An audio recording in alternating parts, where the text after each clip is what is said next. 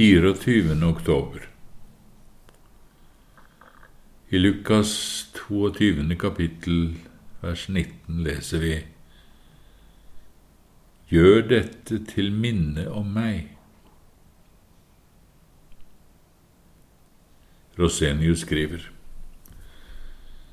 Hva var Herrens mening med å innstifte den hellige nadverden? Hva var den egentlige hensikten med dette? Mange kristne får aldri den rette oppfatningen av nadverden og hvordan de skal ta imot den på rett måte, og dermed får de heller ikke den rette trøsten, gleden og fryden nadverden skulle gi dem. Hver minste ting Herren har tenkt med nadverden, vil vi nok først få se i evighetens overlys. Men noe kan vi likevel også her og nå forstå og dele med hverandre. Her vil vi nå bare se nærmere på nadverden som et minne om Kristi soningsdød. Selv sa Herren, Gjør dette til minne om meg. Vi skjønner jo først og fremst at når det var for å minne om Ham, så var det ikke noe Han trengte, men noe som var til hjelp for oss. For alt Kristus gjorde på jorden, det gjorde Han for oss som han selv sier, Menneskesønnen er ikke kommet for å la seg tjene, men for selv å tjene og gi sitt liv til løsepenge for mange.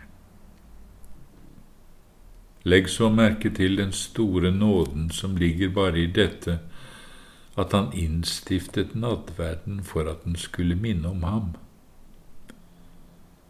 Kristus kjente jo alle de svake sidene hos sine barn og den vanskelige veien de måtte gå gjennom dette livets ørken og jammerdal. Han visste hvordan de titt ville bli fristet til å gi opp, hvordan de med sine svake og redde hjerter og i denne uavlatelige kampen med kjødet, verden og Satans list og piler, skulle bli trøtte, syke, oppgitte og motløse men han visste også at i ham skulle de ha all sin trøst og kraft, at bare de på ny ble minnet om ham, ville de igjen få nytt liv og mot, styrke og glede til å fortsette på veien. Videre visste han at det som aller mest kunne få dem til å miste motet, gjøre dem redde og engstelige, ville være deres egne synder, feil, svakheter. Men han visste også at ikke noe annet enn hans lidelse og død, hans legeme og blod, som ble ofret til syndenes forlatelse, kunne være deres trøst mot all synd.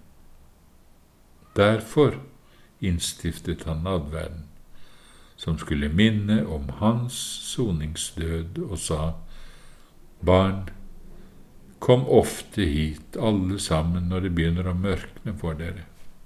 Når dere holder på å gi opp, kom da sammen for å nyte mitt legeme og blod, og tenk på meg.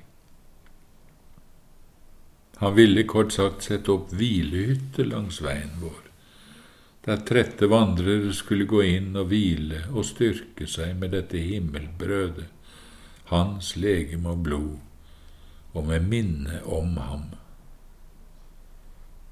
Denne påminnelsen om forsoningens under er svært nyttig for hele vårt innvortes menneske. Den vekker oss opp fra glemsomhet og søvn. Den renser bort tåken som gjennom livets vandring legger seg lett over øynene våre. Den maler både synd og nåden med sine rette farger. Den trøster, styrker og gjenoppretter barnekårets fred og fryd i motløse hjerter. Den løfter våre sjeler fra jorden og retter blikket mot himmelen. Men Kristus innstiftet ikke nattverden bare som en minnesfest. Han gir oss også sitt legeme og blod som vi skulle ete og drikke Dette og det han sa da han rakte fram velsignelsens kalk, viser oss hva han spesielt ville med dette. Det han sa, var jo at dette er mitt blod, den nye pakts blod, som blir utgitt for dere og for mange til syndenes forlatelse. Det viser at med nadverden vil han først og fremst trøste oss mot syndene våre og gi vår sønderknuste samvittighet fred.